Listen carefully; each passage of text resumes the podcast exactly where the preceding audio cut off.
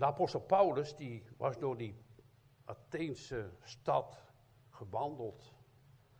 En hij had daar allerlei afgodsbeelden gezien van goud en zilver en steen en prachten. Ze hadden wel voor allerlei soorten afgoden een altaar gemaakt of een beeld. En daar was hij zo verdrietig over. Dat is vandaag aan de dag nog precies hetzelfde. Want uh, ja, stel je voor dat je nou in je huis zo'n mooi uitgebeelde Boeddha staat of in je tuin. Zou die je kunnen helpen?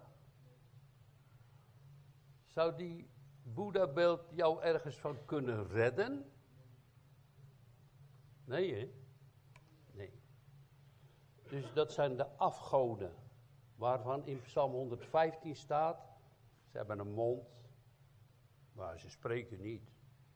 Ze hebben ogen, die afgodsbeelden, ja, die hebben ze natuurlijk uitgebeiteld of gemaakt of zo, van goud en zilver.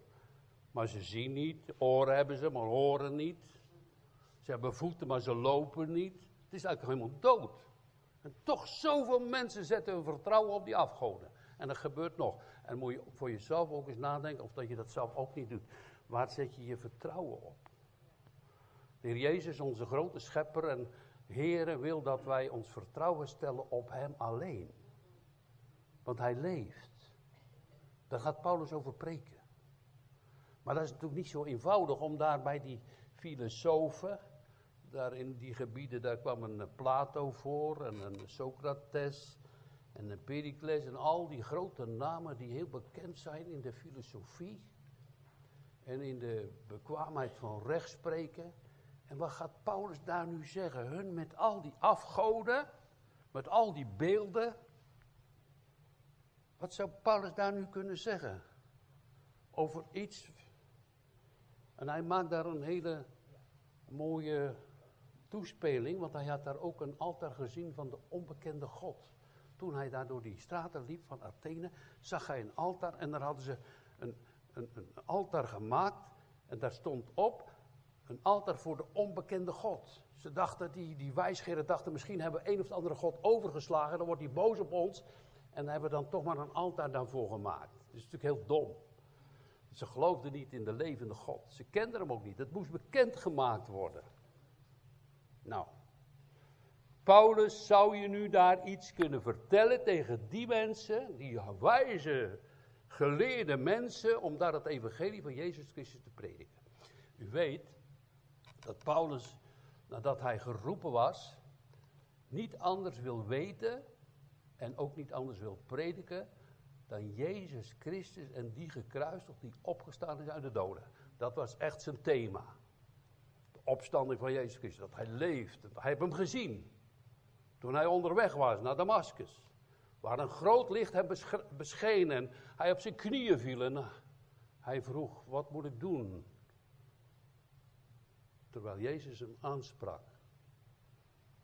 Nou, Paulus, die hebben een geheim. En dat wil ik jullie laten zien, vooral ook voor de kinderen. Misschien mag je wel even gaan staan. Kijk, hij had dit gezegd. Ik heb een stuiterballetje. Hij had dit gezegd. Het evangelie, dat is de blijde boodschap. De goede boodschap. Er is geen mooiere boodschap dan het evangelie. Dat is het allerbeste wat God gegeven heeft. Hij had gezegd in de Romeinenbrief, Romeinen 1 vers 16, het evangelie is een kracht van God. Een power of God. Dus die, komt, die kracht komt dus uit de hemel het evangelie. Hij gaat niet zomaar daar staan om te zeggen, nou ja, ik, ik, ik moet het dan maar maken. Nee, ik ga het woord Gods vertellen. En dat woord Gods, dat evangelie, is een kracht uit de hemel. En daarom heb ik die stuiterbal meegenomen om te laten zien, kijk, als je deze stuiterballetje naar beneden gooit, dus van boven naar beneden, kijk, goed kijken hoor, zo, dan vraagt het een antwoord. Een reactie van onderop. Van ons. Het evangelie komt naar beneden en je ziet dat stuiterballetje komt ook vanzelf omhoog. Het vraagt een reactie. Nou, daar hoopt Paulus natuurlijk op. En iets nog moois met zo'n voorbeeld is dit. Kijk, dus als het evangelie uit de hemel is, dus een kracht van God, als dat in je hart is, moet je dat natuurlijk wel onderhouden, want anders valt heel je geloofsleven stil. Ja, ja, amen. Dus wat heb je nodig? Dit, die kracht van God, zie je? Opdat je op die manier bij hem leeft en met hem leeft. Je hebt hem zo nodig in alles. Dat je die reactie vanuit ons, vanuit de aarde zijn wij, teruggeven aan God. U leeft. Dat je je bekeert en gelooft. En dat wist Paulus. En zo gaat hij daar naar die wijsgeren toe. Het evangelie is een kracht Gods.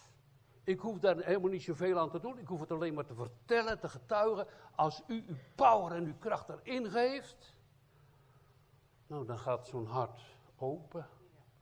Ga je hart open voor Jezus. Dan ga je hem zien.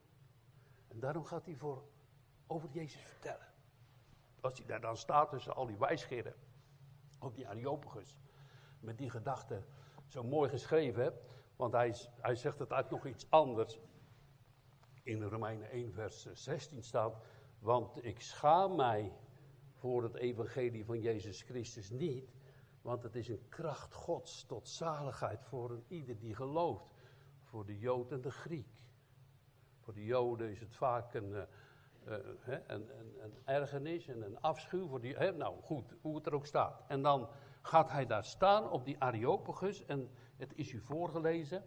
Die staat midden tussen al die wijsgeren in.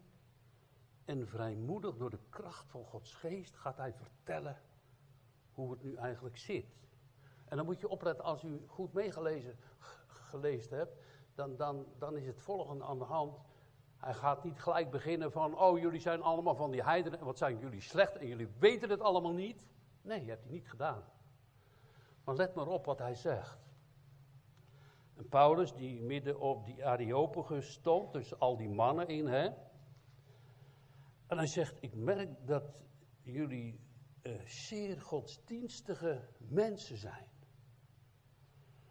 Want, zegt hij, ik ging die stad door en ik heb al jullie heiligdommen bekeken, al die altaren van Zeus en noem maar op, al die, zoveel hebben ze daar. Je kan als je nu naar Griekenland gaat nog heel veel van die oude gebouwen zien. Hè? Dat gedoe allemaal. Het is natuurlijk ook mooi wel om, om te zien, maar weet je, het, het zal ons niet helpen. En toen trof ik daar tussen al die heiligdommen een altaar en daar stond op aan een onbekende God. En Paulus haakt daarop in. Hij zegt, die jullie niet kennen, daar ga ik van vertellen. Van die God. Wie is hij dan? Wie is die God? Daar gaat hij, dat gaat hij noemen. Dat gaat hij aan hen uitleggen. Wie is hij? Hij zegt, het is de levende God die de hemel en de aarde gemaakt heeft. Het staat ook zo mooi in Psalm 24 eh, bijvoorbeeld. Al heel het aardrijk, al wat leeft en beweegt, is het eigendom van God. Het is van Hem. Het is een beetje lastig om elkaar nu allemaal een hand te geven, maar wij zijn allemaal zijn eigendom. Of je dat nou wil of niet. Wij zijn allemaal zijn, zegt hij later, zijn geslacht. Ga nog veel verder. Zijn geslacht. Zijn familie. Ja. Want uit één bloed heeft God ons allemaal, zegt de schrift hè, gemaakt. Uit Adam hij blies in de neus van Adam. En uit Adam nam hij een rib en daar bouwde hij Eva van. En ze werden samen tot een levende ziel. Daaruit is heel het menselijke geslacht gebouwd en voortgekomen. En hij noemt dat hier dat wij uh, familie zijn van God.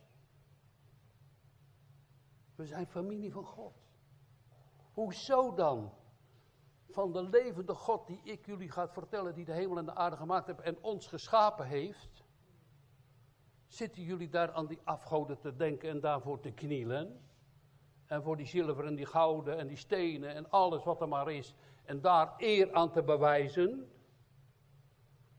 God torent als we hem niet, zoals de Romeinen 1 vers 18 zegt, hij torent, of 22, ik weet niet precies, moet ik het even opzoeken, maar hij torent als wij hem in ongerechtigheid ten onderhouden. Dat we doen net zo, zoiets doen, hij bestaat niet.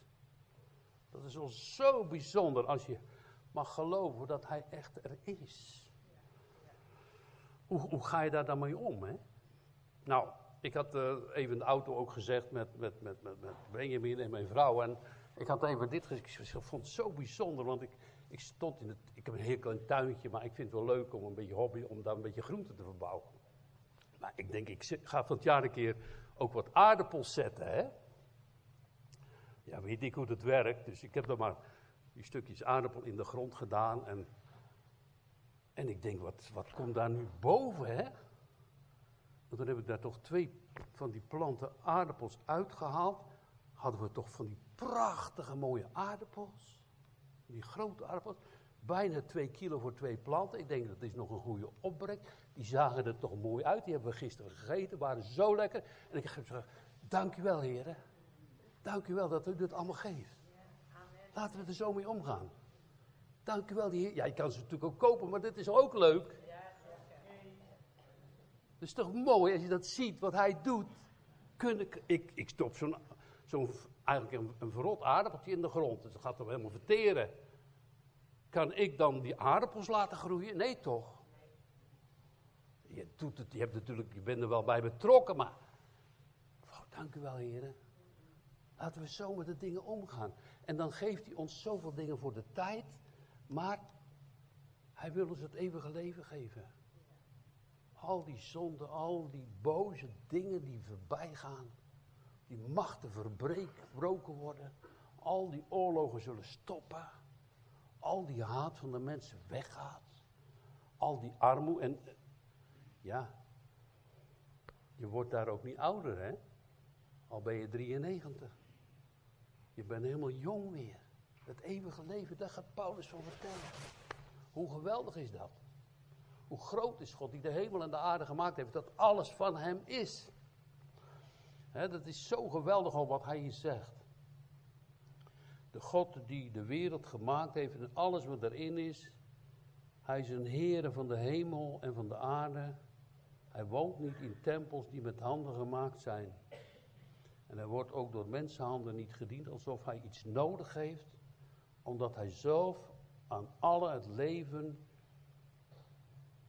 de adem en alle dingen geeft. Nou, weet je wat wij vaak zeggen? En dat hoor je ook vaak uh, roepen hè, van mensen. Ja, je moet toch eten, anders ga je toch dood. Maar daarvoor is er nog iets heel moois wat hij zegt. God geeft voor, kijk, het eten is voor het onderhoud. Maar het leven, de adem, geeft God in onze mond. Hij geeft dat leven, die power, die kracht. Als hij de adem afsnijdt, dat kan God, hè? Dat doet God ook. Dan snijdt hij de adem af en dan, dan ben je er niet meer. Tenminste, niet meer hier. Je bent niet meer hier. Je bent er altijd wel. Wij zijn geen dieren. Wij zijn er altijd wel met onze ziel, die eeuwig is. Daarom gaan wij ook nooit bidden voor dode mensen, want weet je wat het is? Hier is de tijd om te geloven. Als de tijd voorbij is, is het te laat. Dat moet niet, toch? Daarom staat Paulus daar te prediken. Kun je zeggen, nou ja, je kan het doen of kan je het niet doen? Nee, hij zegt graag reactie toch? op dat evangelie. Graag reactie toch? Op die power van God. Het is verschrikkelijk, dat gaat hij dadelijk zeggen, hè? want hij komt dadelijk terug om te oordelen de levende doden. Maar laten we eerst even kijken bij die adem. Zo geweldig dat God de adem in je mond geeft. Zuurstof heb je nodig, dat gaat door je bloed. Alle cellen worden daardoor opgebouwd. En met bloed, en, en dat is een heel proces van je longen. voor je hersenen. Zo leef je. Adem. Je hebt er soms helemaal geen erg in. En s'nachts heeft God het zo geregeld, al slaap je, gaat het toch gewoon door. Je hartkloppingen ook. Hij geeft het leven. Mag je zeker als je s'avonds naar bed gaat wel vragen, Heer, bewaar me ook vannacht, toch? En weet je wat ook mooi is? Dat weten jullie goed, hè? Dat hij, al staat er een pistool op je hoofd, hij engelen rond je heen zendt. Vergeet het niet. Het is gebeurd, hè? Om jullie te beschermen, anders was je hier niet meer. Geef reactie op dit woord. Want het is een kracht van God. Hoe eenvoudig ik het maar probeer te... Het gaat niet om mijn woorden, het gaat om zijn woorden. Geef reactie in je hart. En zeg, u leeft. Amen. Wat is de reactie op zijn woord? Dat is amen. amen. Tot God erkennen dat hij is. En in hem te geloven. Dat. Paulus gaat verder, de adem in je mond, zo geweldig. Deze, die een Heer is van de hemel en van de aarde, woont niet in tempelen. Nou, dat hebben we gezegd. En hij wordt niet door mensenhanden gediend, maar het leven is uit God. Die de adem en alle dingen geeft. En als het leven van ons nu, en dat kan je dus voelen, dat je leeft en je arm valt niet slap neer, want je hebt spieren en, en je leeft. Maar weet je wat die God nog veel mooier gemaakt heeft, gedaan heeft? Dat wordt benoemd en besproken als de grote werken Gods. Wat is dat? Het boek Handelingen hebben ze het erover, hè? nadat Jezus is opgestaan uit de doden.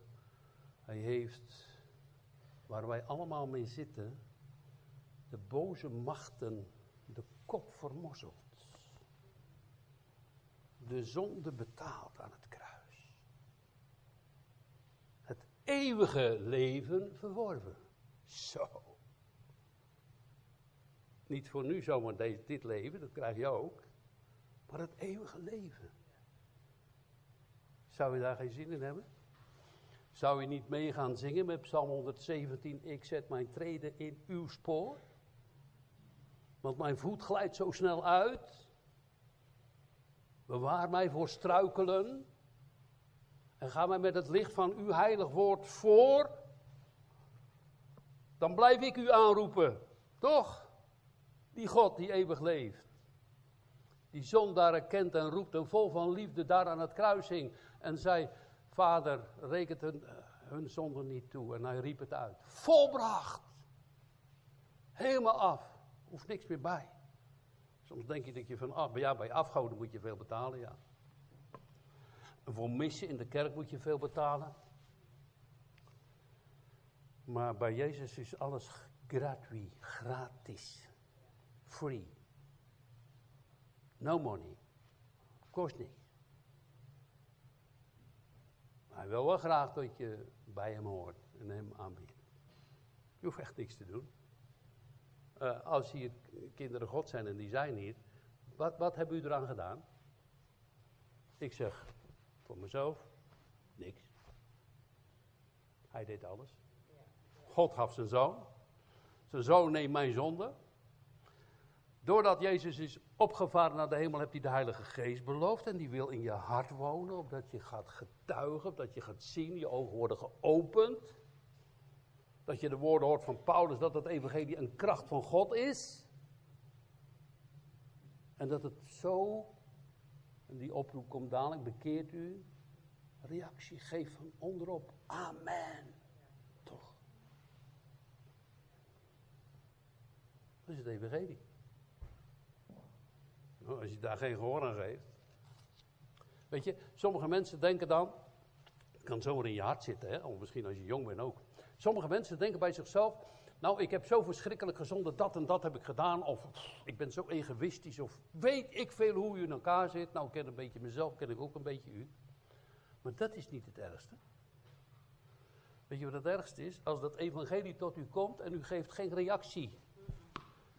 Als u dus, dus die bal die valt en die blijft dan beneden. Dat evangelie landt wel, maar het geeft geen reactie. Daar torent God de Vader zich wel over, hè? Want hij gaf niet voor niets een zoon, hè? Toch? Eerlijk zeggen, hè? Denk even na voor uzelf. En met hem kan je best moeilijk hebben, hoor. Kan je best aangevallen worden, kan je moeilijkheden hebben in je familie en weet ik wat allemaal niet wat op je pad komt. Maar, en ik getuig u van het woord van God, wat hij zelf gezegd heeft, uit die allen, uit al die problemen dus, red hen de Heer. Ja, amen. Ja. Daar mag je op bouwen, dat is zijn woord. Dat mag je geloven, dat mag je ontvangen, daar mag je mee werken, daar mag je zo zeggen, maar dat heb u toch zelf gezegd? Hier staat het toch?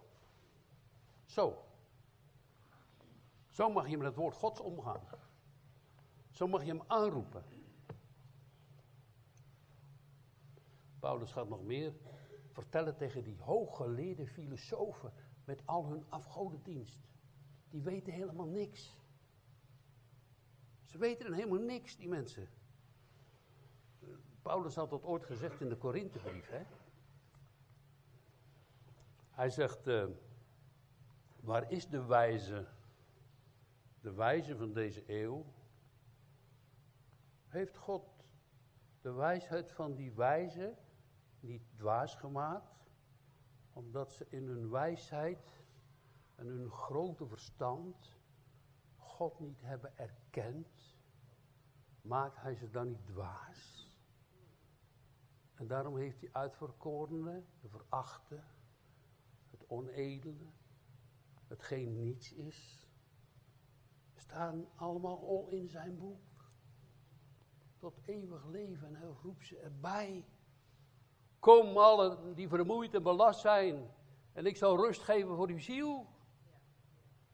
En die wijzen die denken, ja wij weten het allemaal zo goed. Die komen niet van hun standpunten en van hun afgoden af. God maakt de wijze dwaas. Er zijn heel veel wijze mensen in de wereld hoor, daar moeten we natuurlijk niet omheen gaan. Er zijn heel veel wijze mensen, want als je kijkt wat ze allemaal niet voor elkaar krijgen. Hè? Tot naar de maan toe gaan. En, er zijn zulke grote ontwikkelingen in de laatste eeuwen. In de laatste honderd jaar is er zoveel veranderd. Het gaat met een versnelling gaat het door. Hè? Dat ze ook nog proberen het volgende. Uh, niet alleen maar te willen wat, dat ze denken wat u moet gaan doen, maar dat ze ook met uw gedachten, daar zijn ze mee bezig om uw gedachten te manipuleren. Dat zij dus gaan proberen te, iets voor elkaar te maken met weet ik wat, dat uw denken veranderd wordt. Dat is heftig. Dat is ook met, uh, voor de kinderen op de school, hè, met LBTI, dat gedoe allemaal. Nou, alsjeblieft, bid God dat, u, dat de kinderen bewaard blijven. Hè? Zullen we dat eerst maar niet doen, dat we over heel de wereld verschrikkelijke dingen met kinderen gebeuren, dat we voor de kinderen bidden. Er zijn nog zoveel kinderen, gaan we eens bidden toch? Ja. ja, vader, we bidden voor de kinderen hier en daar, en daar ook op de zondagschool met Rita. En de andere kinderen die op vakantie zijn. Dat u ze zegent, Heer. En de leiding natuurlijk van deze groep, om die kinderen te begeleiden. Maar wil u voor al die kinderen, dat bidden we, Heer, de goede herder zijn. En hen trekken met uw liefde en met uw genade. U zegt zelfs tegen ons oude mensen, word alstublieft als een kind. Maar wij bidden ook voor de kinderen in oorlogsgebieden. En voor de kinderen die verkracht worden. En voor kinderen die geen toekomst hebben in armoede en honger. Vader, het is toch wat we genoemd hebben, allemaal van u. En wij bidden, Heer, dat u ons gebed wil verhoren. En aan die kinderen wil denken, Heer. Uh, het zou toch mooi zijn, Heer, als het een kracht Gods is. En wat Paulus ook bedoeld heeft, dat je denkt, ja, het wordt toch niks. Nee, het is een kracht Gods. Dat u de kinderen gaat aanraken en eeuwig leven schenkt, alstublieft. Vader, zo willen we bieden. Laten we het nooit vergeten. Daar had iemand mij op het spoor gezet. Man, je moet bidden voor de kinderen over heel de wereld en het is zo. O God, gedenk, juist als ze verkracht of kapot gescheurd of gedaan worden, Heer, alstublieft. red uw kinderen. In Jezus' naam. Amen. We gaan nog verder lezen hoor. En hij uh, gaat verder met de woorden vanuit de schrift. En hij maakte uit één bloed heel het menselijke geslacht om heel de aardbodem te wonen en heeft hun van tevoren toegemeten tijden bepaald en de grenzen van hun woongebied. Nou, hij weet wel waar je woont, hij weet ook waar je terechtkomt. Dat is ook wel heel apart wat hier staat, dus een bepaling van, de, van je woning. Nou, er zijn hier heel veel die komen uit een heel ander land. Dan mag je hier wonen. En uh, misschien mag je er ook wel eens over nadenken. Als je nu uit dat Cambodja kwam, of waar ook maar. En je hebt daar de boeddhisten gediend. Dat je zegt, hé, hey, wat heb u toch een wonderlijke weg dat u ons nu aan uw voeten brengt. Dat we u aanbidden. En als je uit Turkije komt, je was bij de islam, dat u ons hier bracht en wij, zomaar een klein mannetje hier, die voor u voor u staat, mag prediken, dat u tot geloof komt en dat u gedoopt bent in de naam van de drie enige God. Dat is toch prachtig? Ik moet eigenlijk een beetje blij van worden, toch? Ja, toch? Dat mag toch ook? Om te weten dat God nog werkt onder ons, tot geloof en bekering. Maar laat nu, kijk, ik ga nog even dit voorbeeld doen met, die, met dat stuiterballetje.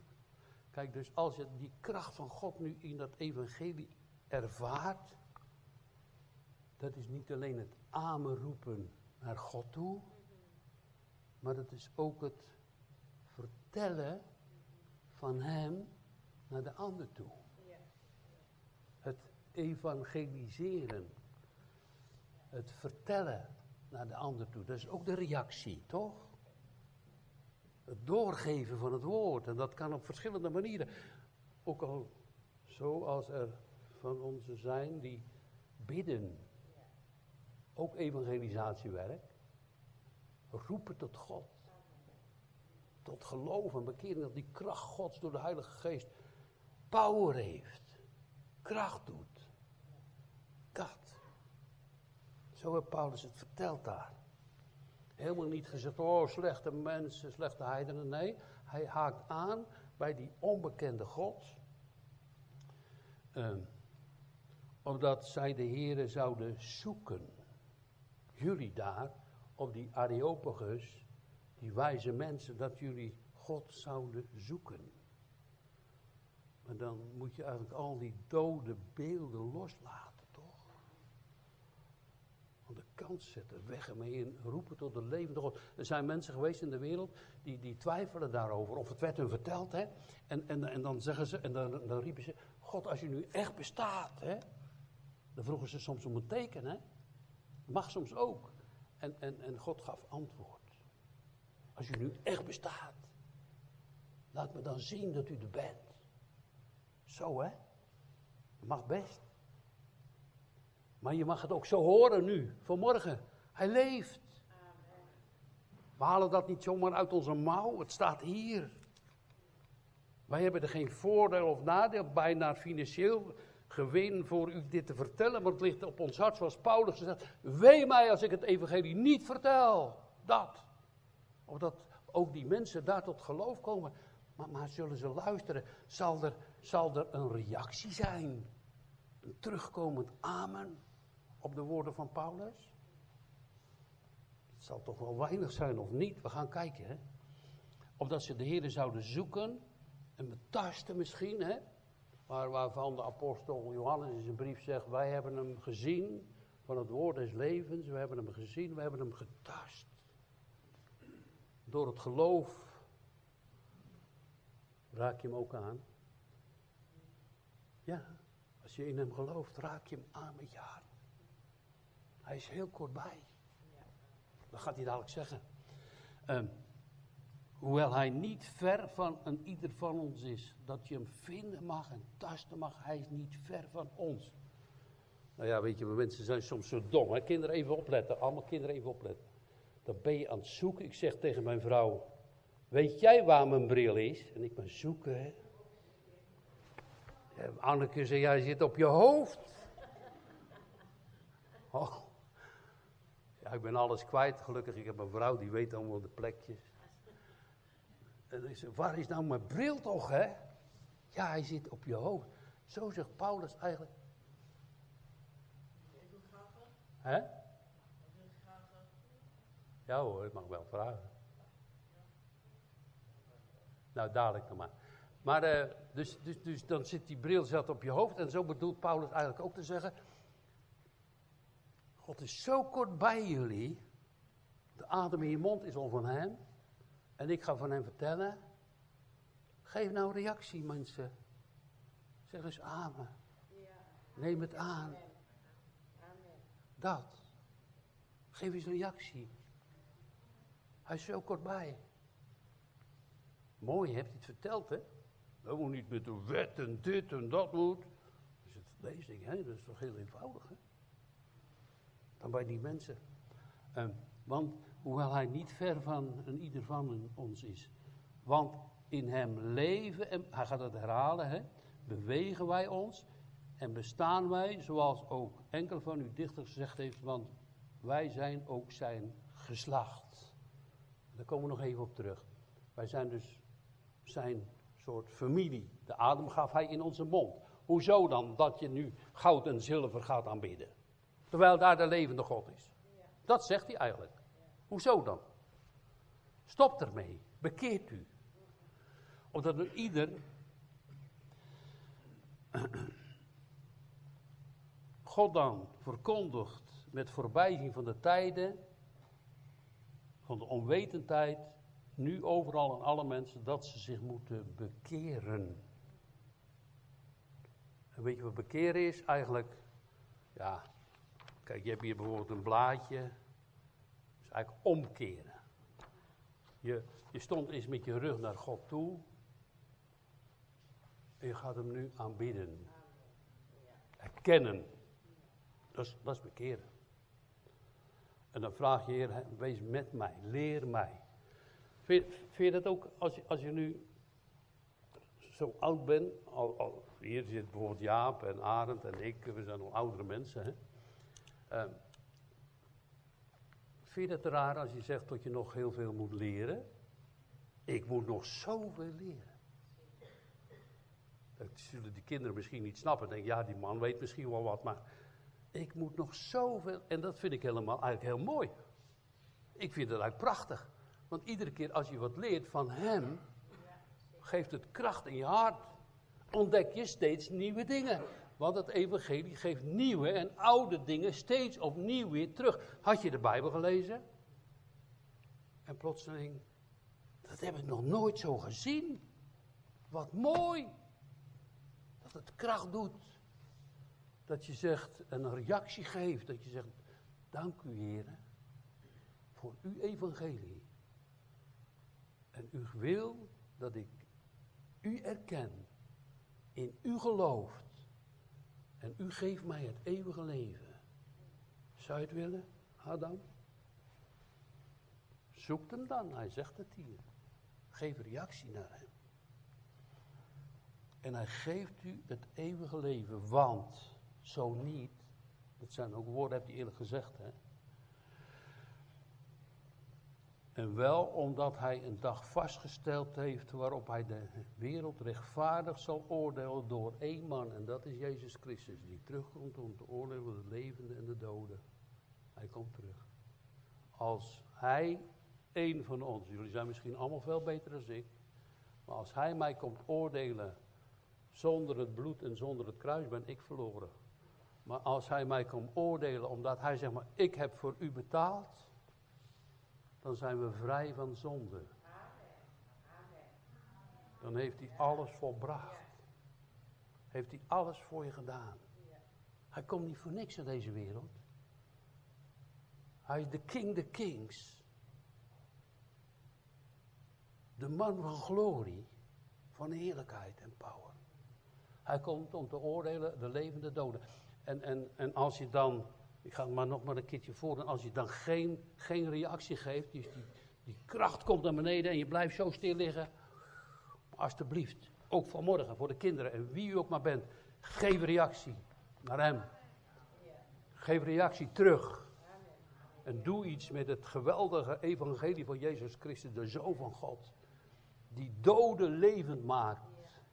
En zondaren zaligt. Omdat zijn bloed reinigt van alle zonden. Nou, wat is het resultaat hier van deze apostel? Hier op de Areopagus. De mensen beginnen te spotten. Zeggen, nou, we worden dadelijk nog wel een keertje. Maar, sommigen sloten zich bij hem aan en geloofden. En in Athene zijn christenen opgestaan, christelijke kerken gebouwd. En dat is met Jezus ook gebeurd, hè? Toen hij die ene bezetene daar aan de andere kant van het meer redde van de, van de legio duivelen, liet hij niet toe dat die man meeging met hem. Maar gaat het vertellen. De reactie met die stuiterbal. En als Jezus later komt, komen er velen daar in Decapolis tot geloof. Want ze hadden het al gehoord van deze bezeten man. En dan ga ik u iets zeggen. Als je zo diep gevallen bent, dat weet je van jezelf beter. Hè? Dus het kan best verschil zijn tussen de een of de ander. De ene heeft heel netjes geleefd. met de andere heel bizar. Maar als je nou gered wordt door Jezus, hè?